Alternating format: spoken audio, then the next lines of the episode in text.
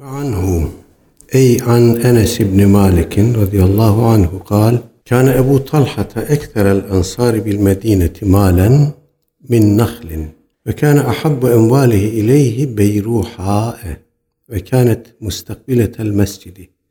كان رسول الله صلى الله عليه وسلم يدخلها ويشرب من ماء فيها طيب. فلما نزلت هذه الآية لن تنالوا البر حتى تنفقوا مما تحبون. قام أبو طلحة إلى رسول الله صلى الله عليه وسلم فقال يا رسول الله إن الله تبارك وتعالى يقول لن تنالوا البر حتى تنفقوا مما تحبون وإن أحب مالي إلي بيروحا وإنها صدقة لله أرجو برها وذخرها عند الله تعالى. فادعها يا رسول الله حيث أراك الله. فقال رسول الله صلى الله عليه وسلم بخ ذلك مال رابح ذلك مال رابح. وقد سمعت ما قلت وإني أرى أن تجعلها في الأقربين. فقال أبو طلحة أفعل يا رسول الله. فقسمها أبو طلحة fi ekaribihi ve beni ammihi muttefakun aleyh. İmam Bukhari ve Müslim rahimehumallah müttefikan rivayet etmişler. Enes bin Malik radıyallahu an hadisimizin ravisi. Bu rivayet daha önce de geçti arkadaşlar. 299 numarayla daha önce geçti bu rivayet. Evet, Enes bin Malik radıyallahu anh diyor ki Kâne Ebu Talha ekterel ensari bil Medine malen min nahlin. Ebu Talha Hazreti Enes radıyallahu anh'ın üvey babası. O Hazreti Enes, e, Enes'in annesiyle nasıl evlendi, nasıl oldu onu daha evvel detaylı olarak üstünde durmuştuk. O yüzden tekrar etmeyeyim. Adı Zeyd bin Sehel. Akabe beyatlarında ve Bedir'de bulunmuş. Efendimiz Aleyhisselatü Vesselam'la Bedir sonrası bütün gazvelere iştirak etmiş. Aleyhisselatü Vesselam Efendimiz veda haccında tıraş olduğunda saçının bir kısmını e, ashaba dağıtmasını söylemiş Ebu Talha'dan. Sağ tarafının saçını da olduğu gibi ona vermiş. Efendim e, Aleyhisselatü Vesselam Efendimizin ayrı bir ilgisi varmış Ebu Talha'ya.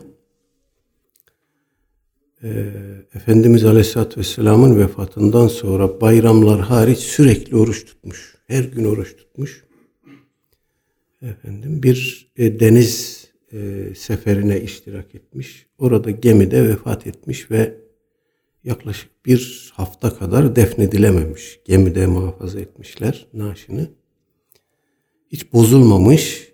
Bir hafta sonra karaya çıktıklarında e, defnetmişler. O süre içerisinde naaşı terü taze duruyormuş. Ebu Talha diyor Hazreti Enes üvey babası e, hakkında Ensar'ın Medine'de en fazla hurma bahçesi bulunan ferdi idi Ebu Talha.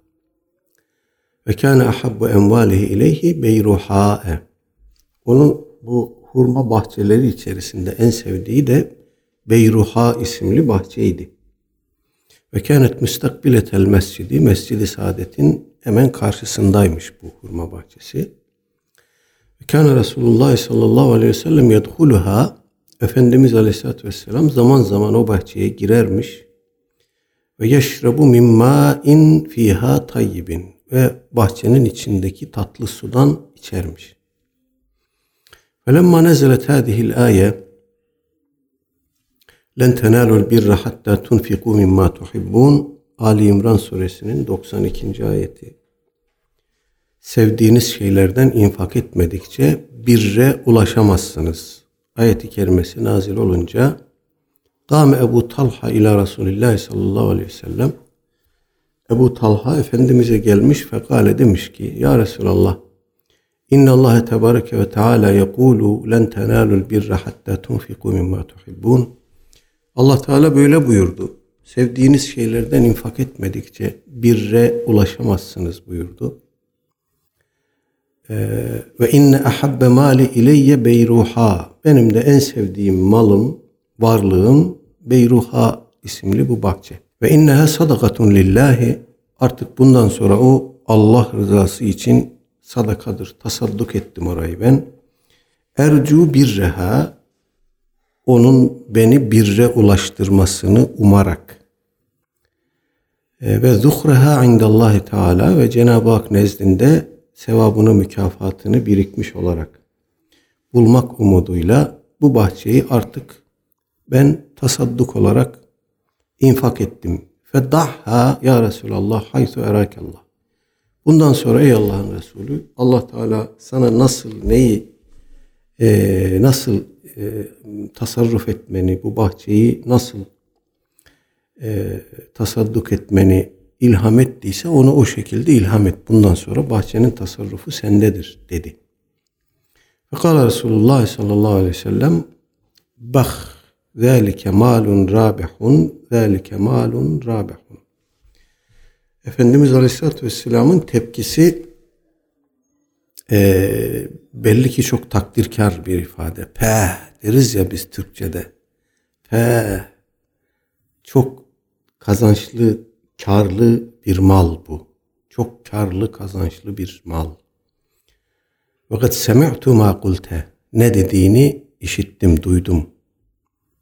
Ve inni era ama bana sorarsan en tec'aleha fil akrabin bu bahçeyi akrabaların arasında tasadduk olarak dağıt. Akrabalarına infak et. Fekale Ebu Talha bunun üzerine Ebu Talha dedi ki radıyallahu anh ef'alu ya Resulallah bunu yapacağım ya Resulallah. Fe kassemeha Ebu Talha fi ekaribihi ve beni ammihi. Bundan sonra Ebu Talha bu bahçeyi akrabalarına ve amca çocuklarına taksim etti, dağıttı. Rivayeti İmam Bukhari ve Müslim müttefikan rivayet etmişler. Bu e, bahçe demek ki çok e, büyükçe bir bahçe ve hurması da kaliteli bir hurma. E, şarihler diyorlar ki Efendimiz Aleyhisselatü Vesselam'ın şairi, şairi Nebi Hassan bin Sabit radıyallahu anh ile meşhur e, kurra sahabi, Kur'an müfessiri Übey ibn Kâb radıyallahu anh e, Ebu Talha ile amca çocukları oluyormuş. Onlara da vermiş o hisseden. Hassan bin Sabit daha sonra bu hissesini, bu bahçedeki hissesini Hazreti Muaviye'ye 100 bin dirhem karşılığında satmış. 100 bin dirhem. Ee, 100 bin dirhem o gün e, tabi neye karşılık geliyor bu gümüş para o günün şeyi nasıl? Ama 20 bin koyun parasıymış. Ben de üşenmedim. Bir koyun ne kadardır diye baktım. Kurban bayramı geliyor fiyatlar artar martar ama asgarisi 600 lira. Azamisi 1000, 1250, 1500'üne kadar çıkıyor. Çıktı mı o kadar? Oo. Hakikaten de dalike malun rabihun imiş yani. 600 liradan hesapladım ben. 20 bin koyun 12 milyon lira yapıyor.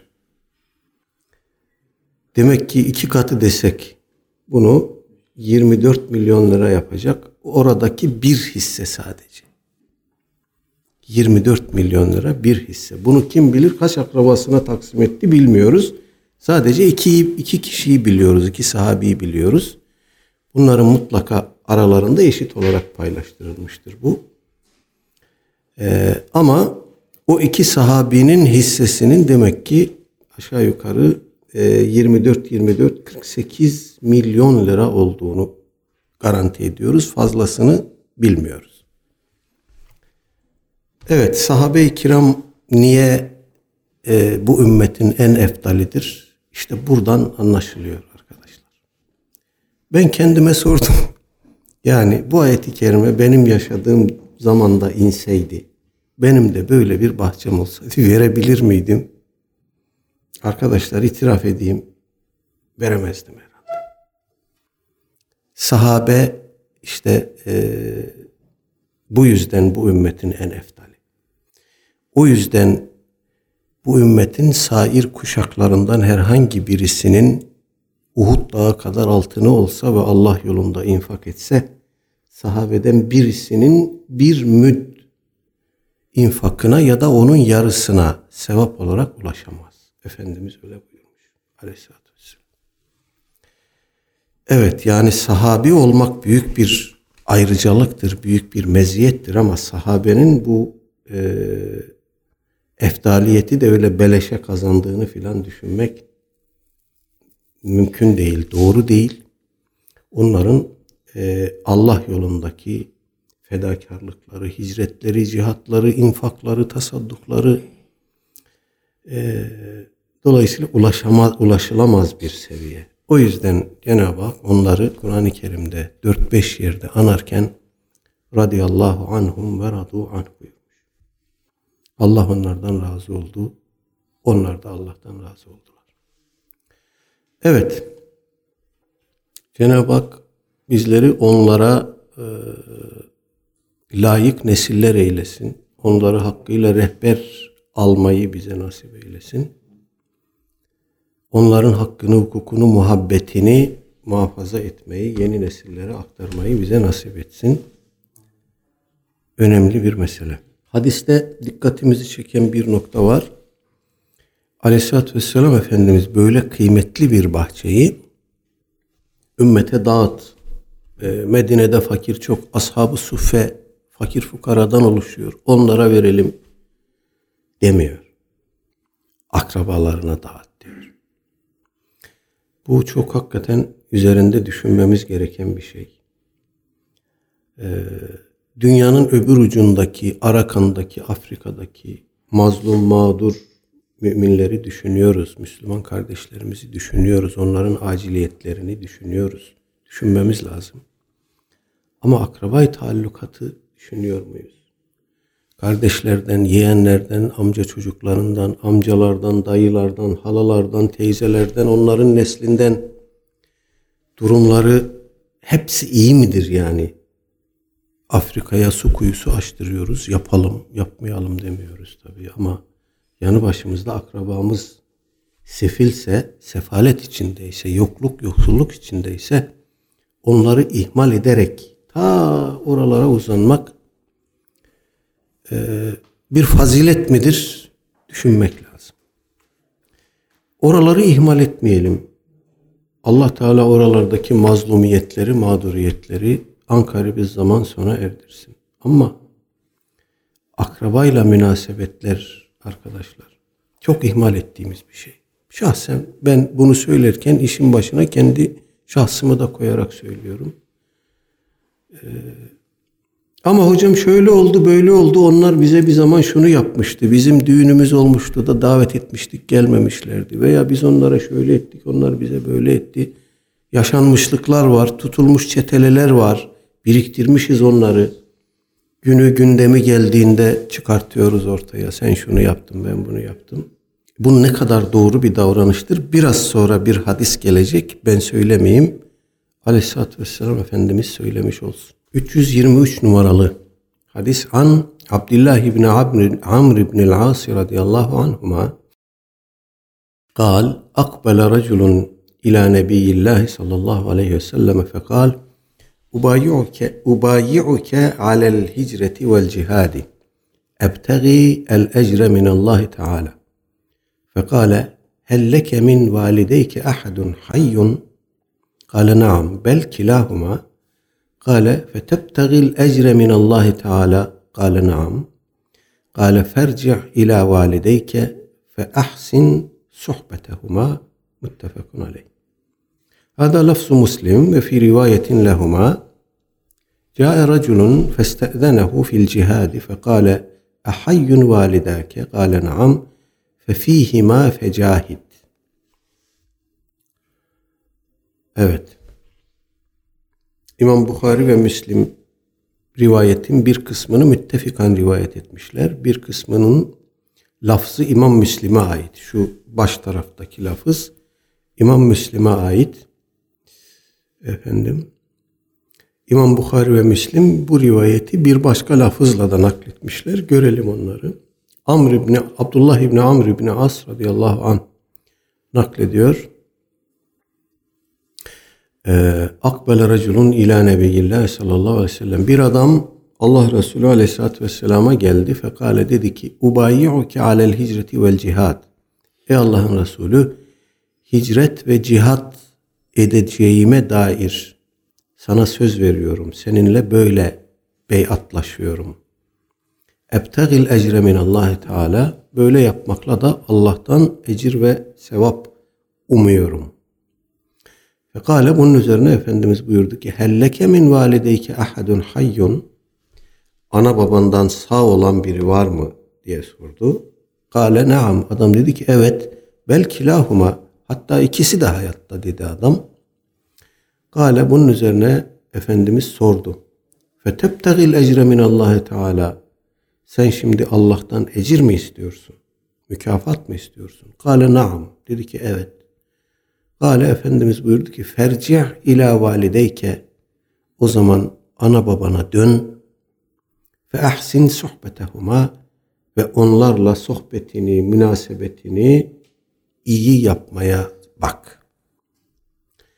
Bu e, kısmı İmam Müslim nakletmiş. Bukhari ile İmam Bukhari ile müttefikan naklettikleri lafız da şöyleymiş. Câe raculun feste'zene lehu fil cihad. Bir adam geldi ve Efendimiz'den cihada iştirak etmek üzere izin istedi.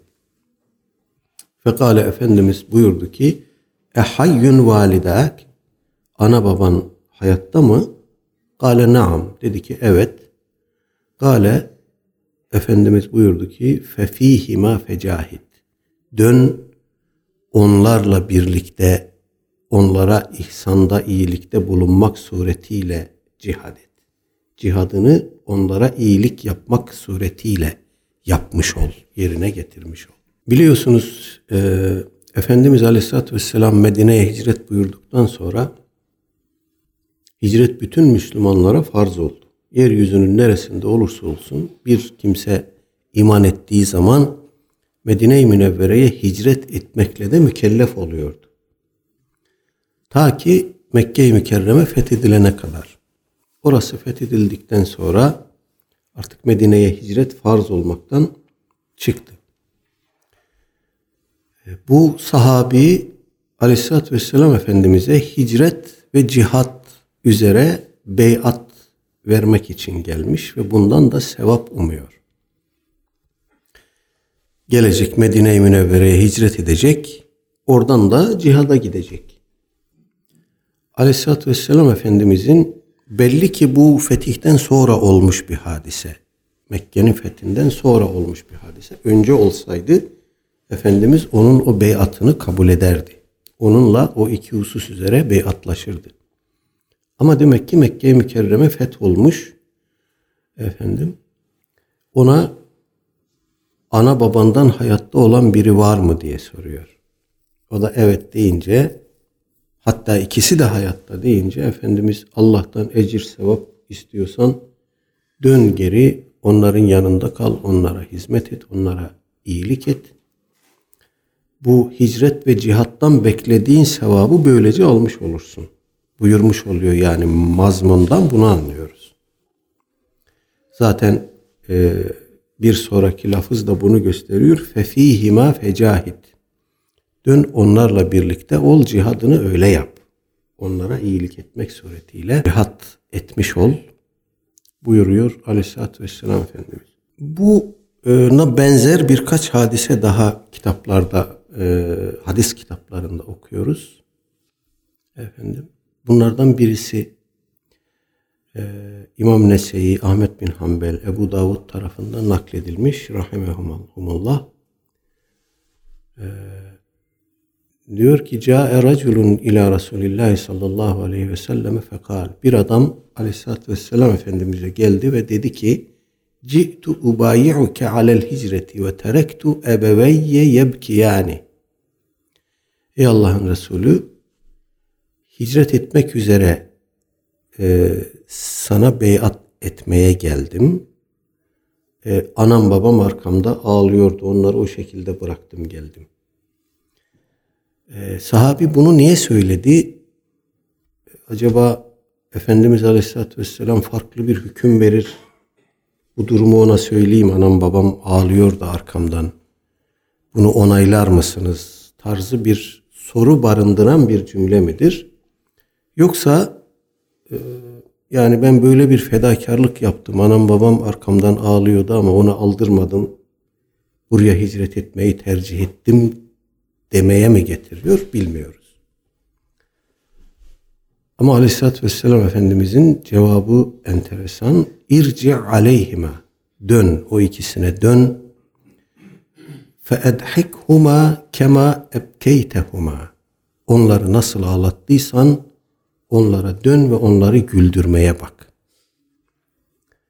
Efendimiz Aleyhisselatü Vesselam bu sahabinin hicretini, hicret üzere beyat etmesini kabul etmiyor ve ana babana dön, onları nasıl ağlattıysan öyle de güldür demiş oluyor.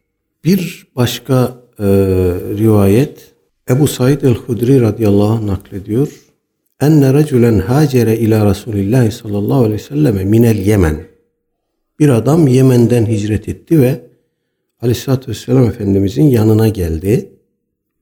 Fekale Efendimiz buyurdu ki helleke ahadun bil Yemen. Yemen'de geride kimse bıraktın mı? Fekale ebevay. Dedi ki anam babamı bıraktım. Fekale Efendimiz tekrar sordu. Ezine aleke sana izin verdiler mi buraya gelmen, hicret etmen için sana izin verdiler mi? Kale la. Dedi ki hayır. Kale Efendimiz tekrar buyurdu. İrci ileyhima. Şimdi sen onlara dön. Yemen'e geri git. Festedinhuma.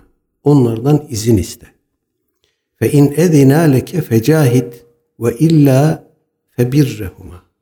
Eğer sana izin verirlerse gel cihada iştirak et. Vermezlerse git onlara iyilik etmeye bak.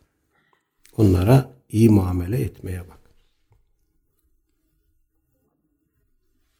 Evet bu örnekler arkadaşlar e, enteresan ana babaya iyiliğin, ana babaya ihsanın, iyi davranmanın ne kadar mühim bir şey olduğunu bize ihtar ediyor. Ee,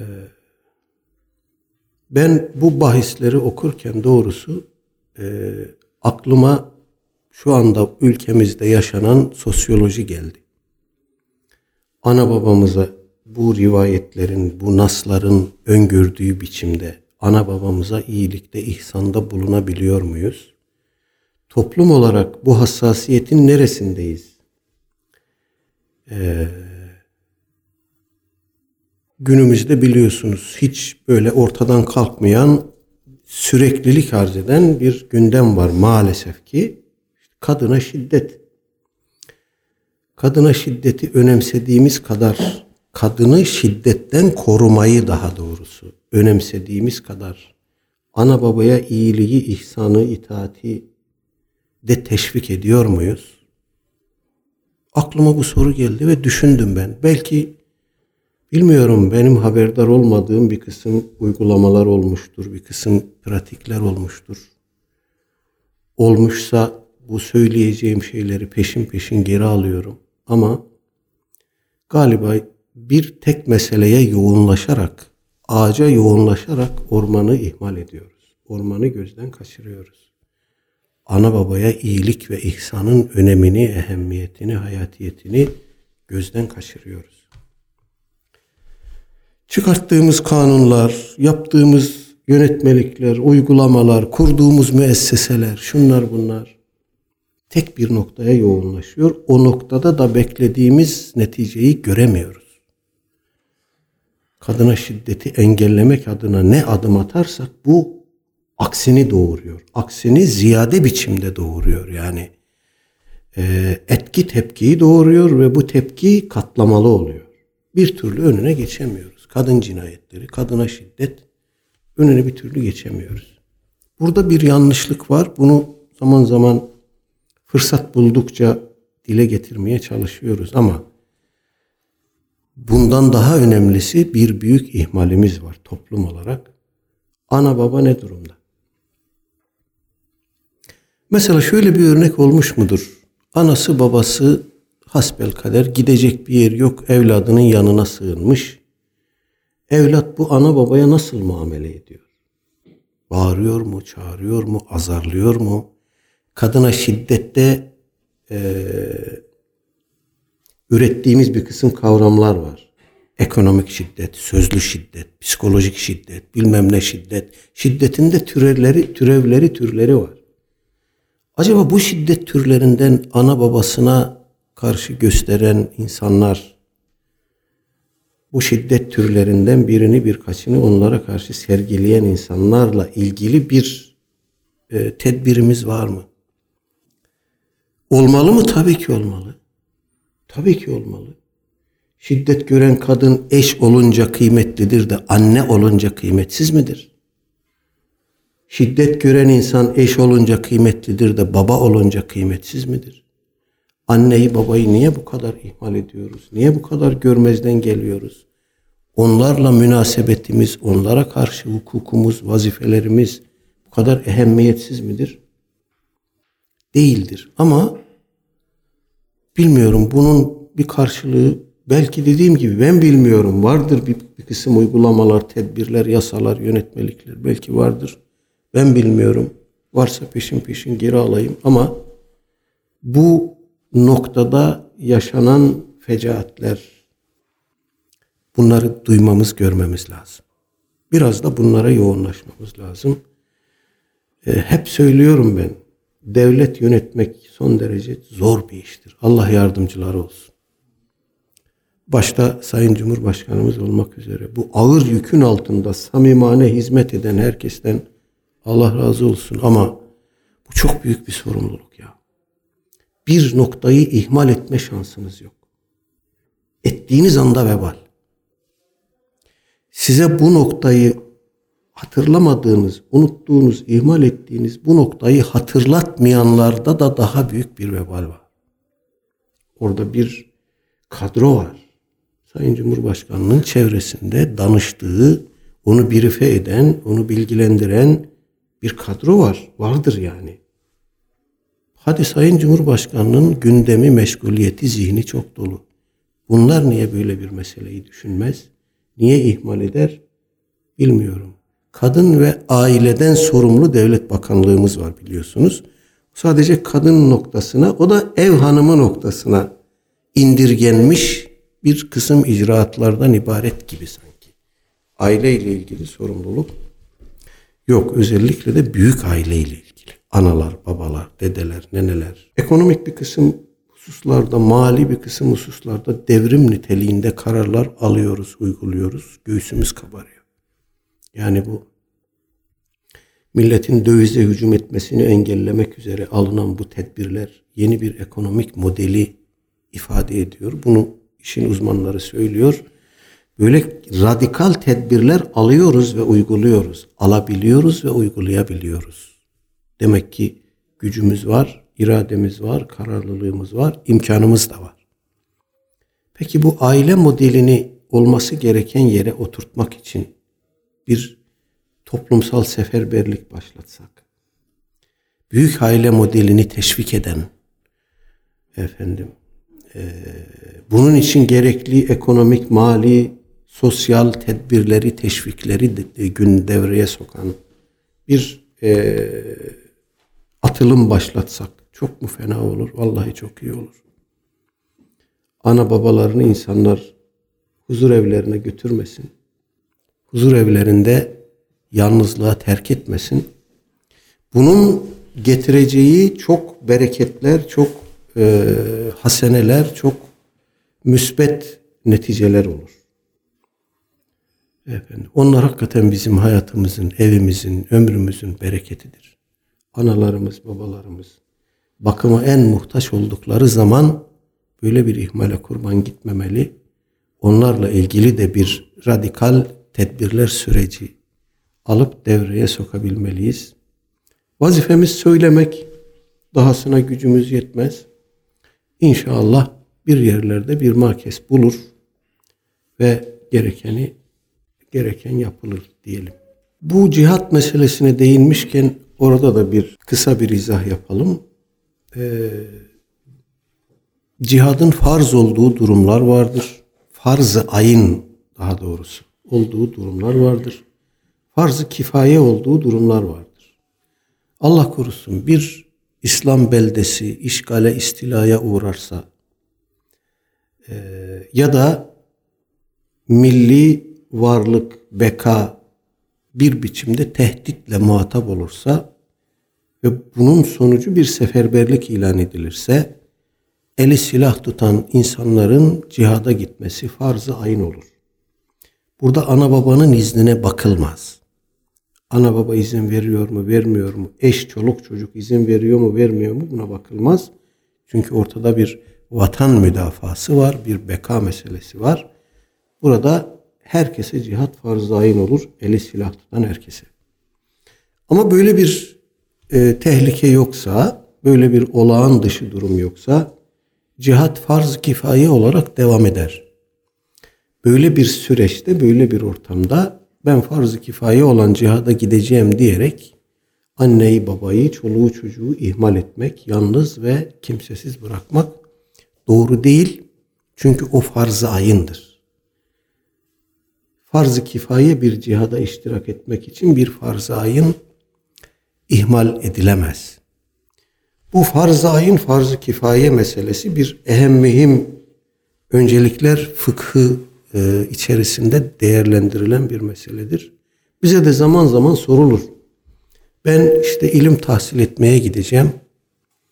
Efendim, anam babam izin vermiyor. Evde de benden başka onlara bakacak, başlarında duracak kimse yok. İlim tahsiline mi gideyim yoksa ne yapayım? İlim tahsili farz-ı kifayedir. Herkes ihmal ederse herkes sorumlu olur. Ama herkes ihmal etmiyorsa sen bir farz-ı ayını ihmal ederek bir farz-ı kifayeyi yerine getirme. Buradan sana bir müspet netice de çıkmaz zaten. Ana babanın duasını alabiliyorsan al öyle git. Alamıyorsan git onların yanında dur, hizmetinde dur.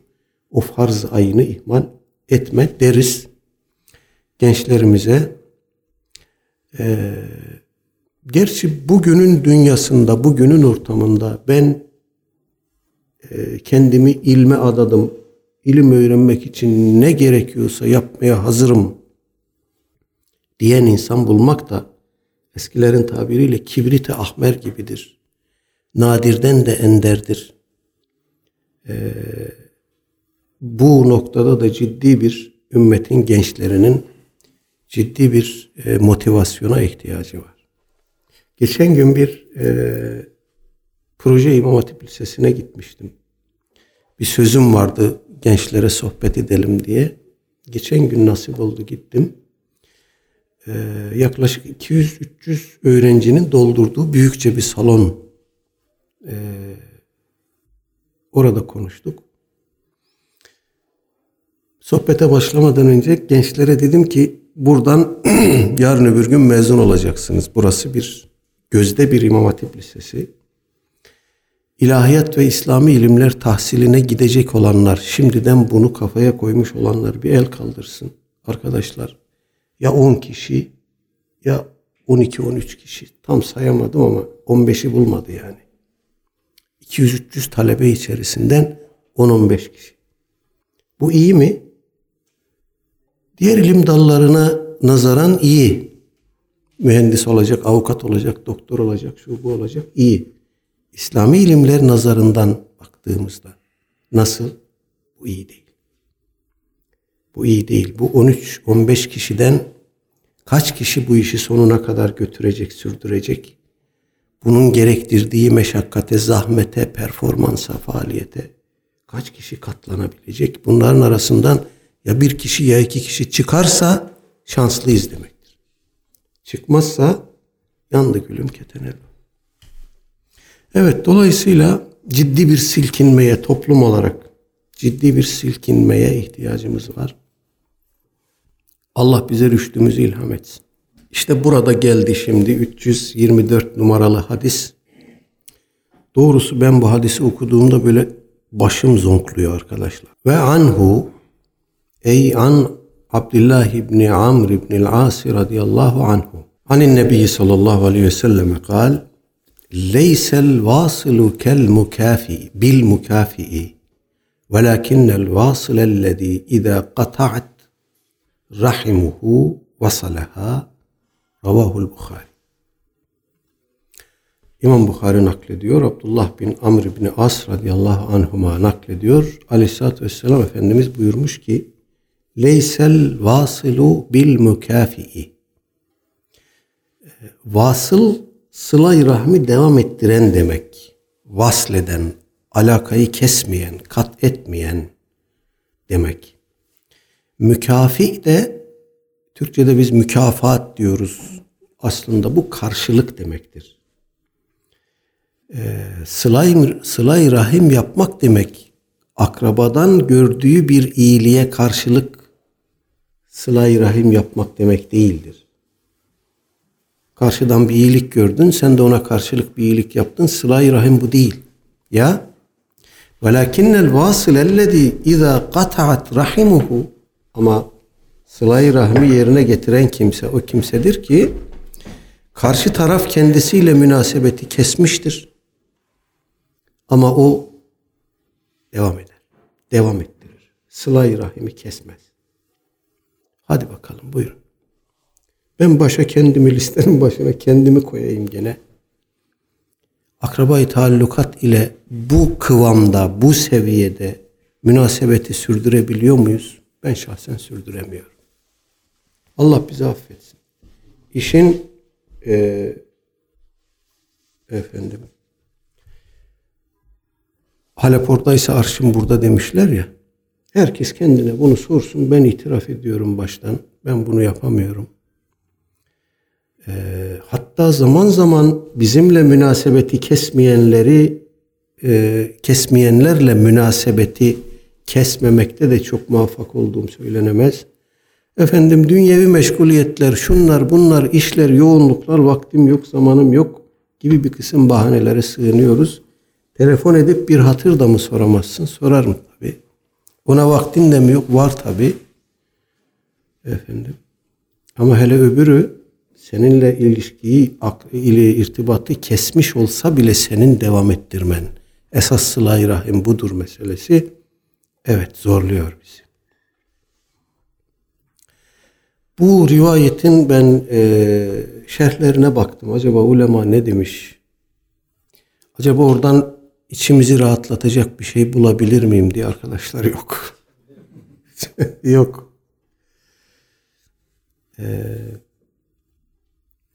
bu akrabayla münasebet meselesini İbn Hacer merhum üç e, kategoride incelemiş. Birisi seninle alakayı kesmez, kesmiş olsalar bile senin alakayı kesmemen. Sıla-i rahmi karşı taraf kat etmiş, kopartmış bağlantıyı ama sen devam ettiriyorsun. Birincisi bu. İkincisi karşı taraf seninle münasebeti devam ettiriyor, sen de onunla devam ettiriyorsun.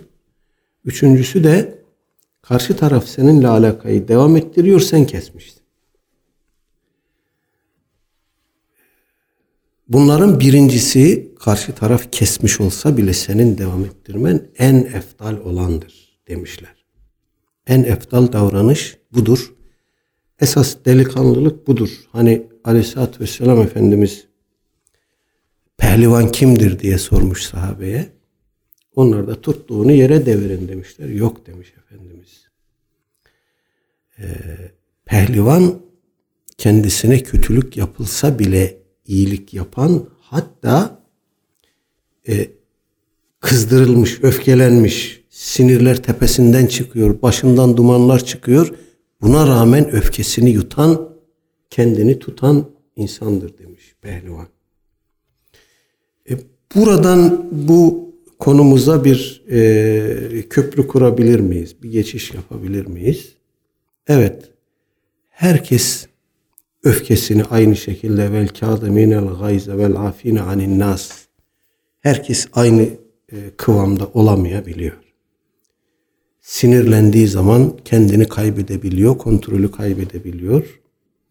Ama e, Hazreti Ömer radıyallahu anh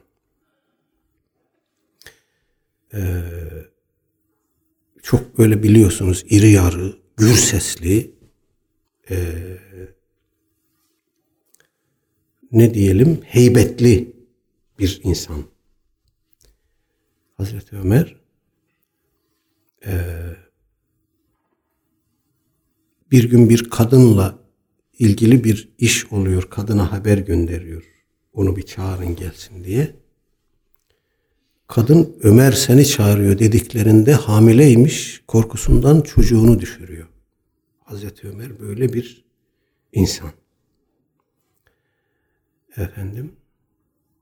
Gerçi Allah onu öyle bir e, kritik zamanda istihdam etmiş ki ümmetin başına gelmesini nasip etmiş ki o e, on buçuk senelik o hızlı değişim süreci Hazreti Ömer'den başka bir sahabi tarafından öyle bir dirayetle, öyle bir e, muvaffakiyetle kontrol ve idare edilebilir miymiş? Çok zor bir şey. Suudi Arabistan sınırlarından on buçuk milyon kilometre kareye neredeyse ulaşmış devletin sınırları. Sasanileri tarihe gömmüş, Bizans'ı kovmuş oralardan, Mısır'ın bir bölümü Suriye, Irak, İran hepsini fethetmiş. Onun döneminde olan işler bu çok kolay değildir. Bu değişim süreci, bu hızlı dönüşüm süreci o kuvvetli bir dirayet ister. Ama e, Allah'tan kork ey Ömer dendiği zaman da böyle ABS frenine basılmış gibi öyle dururmuş orada. Bu sahabe içerisinde müellefe kulüp denen bir kitle var. Akra bin Habis, Uyeyne bin Hısın gibi aleyhissalatü vesselam Efendimiz bunlara çok iyilikte ihsanda bulunmuş. Bunların e, kabileleri kalabalık, kelle sayıları fazla. Bunlar da bir anlamda alışmışlar. Devletten beslenmeye, bedavadan geçinmeye.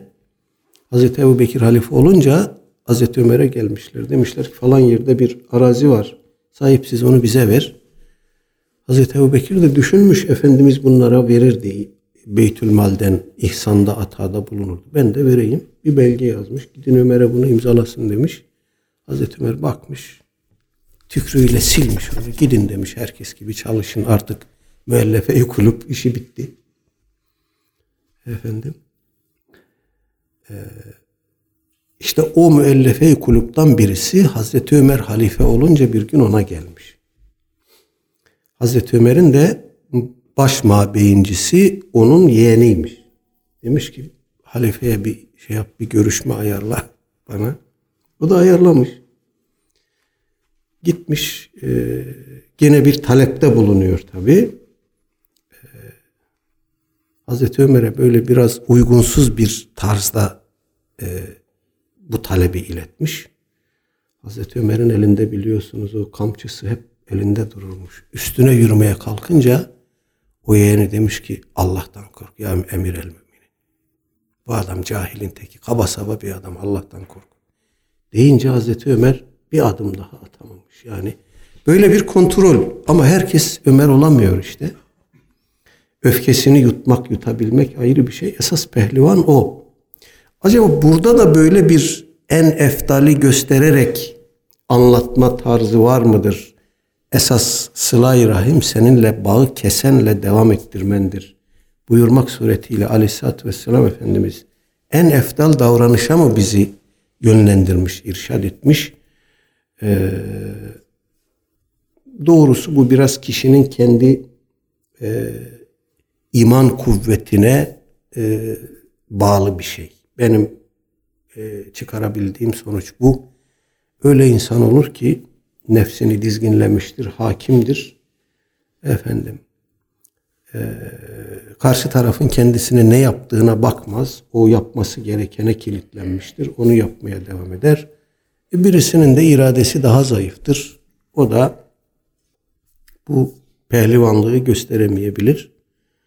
Efendim ama şu noktada ulema ittifak etmiş ki seninle münasebeti kesmeyeni senin de devam ettirmen ilave bir fazilet değil. Bu zaten normal olan davranıştır. İlave fazilet alakayı kesmiş olanla sürdürmendir. Bir de şu noktada ittifak etmişler. Ee, seninle ilişkiyi devam ettirenle senin alakayı kesmen büyük günahtır. Kötü alışkanlıklarını görüyorsun. Ondan dolayı başka meseleler çıkabiliyor, olaylar olabiliyor. Hani Şimdi burada bundan- mesele şu, mesele şu. Daha belki derslerimizde de bu sılay rahmin şeylerinden bahsettik, formatlarından bahsettik. Bu mesela kişiye selamı sabahı kesmemek şeklinde de olabilir. Hatırını sormak, arayıp sormak şeklinde de olabilir. Bir ihtiyacı varsa ihtiyacını karşılamak şeklinde de olabilir. Veya başına bir kötülük gelecekse engelleyebiliyorsak onu engellemek şeklinde de olabilir. Bunların hangisini yaptığımızda biz şer'an e, bir mahzura bulaşmayacaksak onu yaparız. Adam içki masasında oturuyor, gidip onu ziyaret edip o masada halini hatırını sormak tabii ki sıla rahim değil. Orada da bir emri maruf önceliği var. Ama adam akrabayı taallukattır, senin gibi yaşayamıyor, başına bir sıkıntı geldi. Giderilmesine en azından yardım etmek lazım. Bunu yaparken de herhangi bir şey beklemeden, bir karşılık beklemeden, özel bir vurgu yapmadan yapmak lazım. O yüzden bir evvelki haftada geçti hadis-i şerif. Efendimiz Aleyhisselam buyurdu ki sen onlarla münasebeti devam ettirirsen sana kötülük yapanlarla onlara sanki kızgın kül yedirmiş gibi olursun. Yani onların hissedeceği o manevi rahatsızlık, pişmanlık, belki kompleks onlara böyle kızgın kül yutmuş gibi bir e, şey yaşatır. Bir halet ruhiye yaşatır. Mümkün olduğunca mahsurlara düşmeden yapmak lazım bunu. Çünkü burada bir e, bir ameli salih yapıyoruz. Onun ecrini, e, ihlasını, samimiyetini, formatını zedelemeden yapmak lazım. Artık nasıl denk gelirse, nasıl yapılırsa ortama göre, bağlama göre, duruma göre onu da kendimiz ayarlayacağız diyelim. 125 numaralı rivayet. An Aişe radıyallahu anha kalet قال رسول الله صلى الله عليه وسلم الرحم معلقة بالعرش تقول Men vasalani vasalahullah ve men kata'ani kata'ahullah müttefekun aleyh. İmam Bukhari ve Müslim'in müttefikan naklettiği Hazreti Ayşe annemizden gelen bir rivayet. Allah ondan razı olsun. Diyor ki Resulullah sallallahu aleyhi ve sellem buyurdu ki Er-rahimu muallakatun bil arşi. Rahim arşa tutunmuş vaziyettedir. Arşa bağlanmış vaziyettedir. Tekulu şöyle der. Men vasalani vasalahullah. Kim beni vaslederse Allah da onu vasletsin. Ve men kata'ani kata'ahullah. Kim de beni kat ederse Allah da onu kat etsin. Burada son derece beli bir benzetme ile, teşbih ile e, yapılan bir anlatım var. Bunun bir e, uzun bir varyantı 317 numaralı rivayette geçmişti. Hatırlarsanız Aleyhisselatü Vesselam Efendimiz şöyle buyurmuştu. İnne Allah Teala halakal halqa. Allah Teala mahlukatı yarattı. Hatta ida feraga minhum mahlukatı yarattıktan sonra kâmetir rahimu rahim kalktı fekalet dedi ki Hâzâ makamul âidi bike minel kati'ati beni kat edenlerden sana sığınmış olarak şu anda ya Rabbi senin huzurunda duruyorum. Cenab-ı Hak buyurur ki Naam, evet. Ama tardayne en esile men vasalaki ve akta'a men kata'aki. Razı olmaz mısın seni vasledenle, seni vasledeni ben de vasledeyim. Seni kat edeni ben de kat edeyim. Yani akrabayla münasebeti kesene ben de rahmetimle nazar etmeyi keseyim. Devam ettirene ben de rahmetimle nazar etmeyi devam ettireyim. Buna razı olmaz mısın? Kalet bela. Dedi ki evet razı olurum ya Rabbi. Aleyhisselatü Vesselam Efendimiz böyle buyurduktan sonra devam etti. İkra'u in şi'tum. Eğer istiyorsanız bu söylediğim şeyin tasdikini şu ayeti kerimede görürsünüz. Fehel aseytum in tevelleytum en tufsidu fil ardı ve tukatti'u erhamekum. Ee, Cenab-ı Hak burada tabi münafıklara ya da inkarcılara hitap ediyor genel olarak. Biz e, sizi yeryüzünde hükümran, hükümdar, yetki sahibi kıldığımızda efendim en tufsidu fil ardı yeryüzünde fesat çıkartırsınız ve tukatti'u erhamekum e, sılay rahimi de kesersiniz. Akrabalık bağlarını da kesersiniz.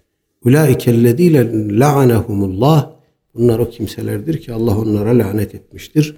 Ve asammahum ve a'ma absarahum onları sağır ve dilsiz yapmıştır. Duygusuz yapmıştır şeklinde bir uzun rivayet geçmişti. Evet dolayısıyla arkadaşlar burada rahimin arşa tutunması demek e,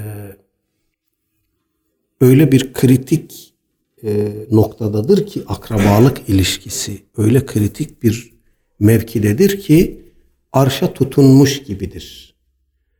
Efendim e, dolayısıyla onu vasledene Cenab-ı Hak da rahmetiyle merhametiyle nazara devam eder. Onu kat edene Cenab-ı Hak efendim bereketsizlik verir, rahmetiyle bakmak bakmaz, merhametiyle muamele etmez şeklinde bir anlatımın beli bir benzetmesini görüyoruz burada. 326 numaralı رواية عن أم المؤمنين ميمونة بنت الحارث رضي الله عنها أنها أعتقت وليدة ولم تستأذن النبي صلى الله عليه وسلم فلما كان يومها الذي يدور عليها فيه قالت أشعرت يا رسول الله أني أعتقت وليدتي؟ قال أو فعلت قالت نعم. قال أما إنك لو أعطيتها أخوالك ahvaliki kâne azame li ecriki muttefakun aleyh. İmam Bukhari ve Müslim gene müttefikan nakletmişler. Son derece enteresan bir rivayet daha. Ümmül Müminin Meymune binti Haris radıyallahu anha annemiz rivayet ediyor ki e, o kendisine ait bir cariyeyi Aleyhisselatü Vesselam Efendimiz'den izin almadan azat etmişti. Felemma kâne yevmuha ellezî yedûru aleyha fîhi Aleyhisselatü Vesselam Efendimiz biliyorsunuz günlerini annelerimiz arasında bölmüştü. Her birinin ne ait bir gün vardı. O günü onun yanında geçirirdi. Orada gecelerdi. Meymune annemizin nöbeti gelince Efendimiz ona gitti. Annemiz dedi ki eşe'arte ya Resulallah enni ahtaktu velideti.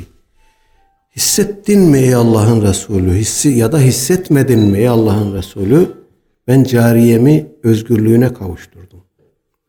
Kale Efendimiz buyurdu ki eve faalti bunu gerçekten yaptın mı diye sordu. Galet dedi ki naam evet bunu yaptım gerçekten. Kale Efendimiz karşılık olarak buyurdu ki emma inneki lev a'teytiha ahvaliki onu eğer e, teyzelerine verseydin, hediye etseydin kâne a'zame li ecriki bunu yapman ecir olarak, sevap olarak sana daha büyük bir mükafat kazandırırdı. Meymune annemiz arkadaşlar e, Hazreti Abbas Efendimiz Aleyhisselatü Vesselam'ın amcası Hazreti Abbas radıyallahu anh'ın baldızı e, Efendimiz Aleyhisselatü Vesselam e, veda haccına giderken efendim, Mekke-i Mükerreme yolunda Hazreti Abbas teklif etti onu. Baldızımla evlenir misin ey Allah'ın Resulü diye. Efendimiz de ona Mekke'ye iki sahabeden iki kişiyi gönderdi. Onlar Efendimiz adına dünürcülük yaptılar. Ondan sonra da Medine'ye dönüşte e, evlendiler. Bir kölesini bir cariyesini azat etmiş. Cariyesinin adının bazı kaynaklarda Berre veya Berire olduğu söyleniyor. Fakat burada Aleyhisselatü Vesselam Efendimizin ona verdiği karşılık normalde bir insanı, bir, bir cariyeyi, köleyi özgürlüğüne kavuşturmak büyük sevap, büyük mükafat. Fakat o onu akrabalarına vermelerini özgürlüğe kavuşturulmasına tercih etmiş. Enteresan bir şey. Biz tabi bugünden baktığımızda bir insanın özgürlüğüne kavuşturulmasından daha büyük bir şey olur mu diye düşünüyoruz ama e, kölelik, cariyelik hukukunun yürürlükte olduğu bir toplumda e, o toplumun algısıyla meseleye bakmak bugün bizim e, yapabileceğimiz bir şey değil tabii. O, o güne gidip, o günün dünyasına gidip, o günün dünyasında yaşamak gerekiyor. Zihnen ki bunu yapabilelim. Ama burada esas öğretici olan akrabayla münasebeti kesmemenin ehemmiyeti.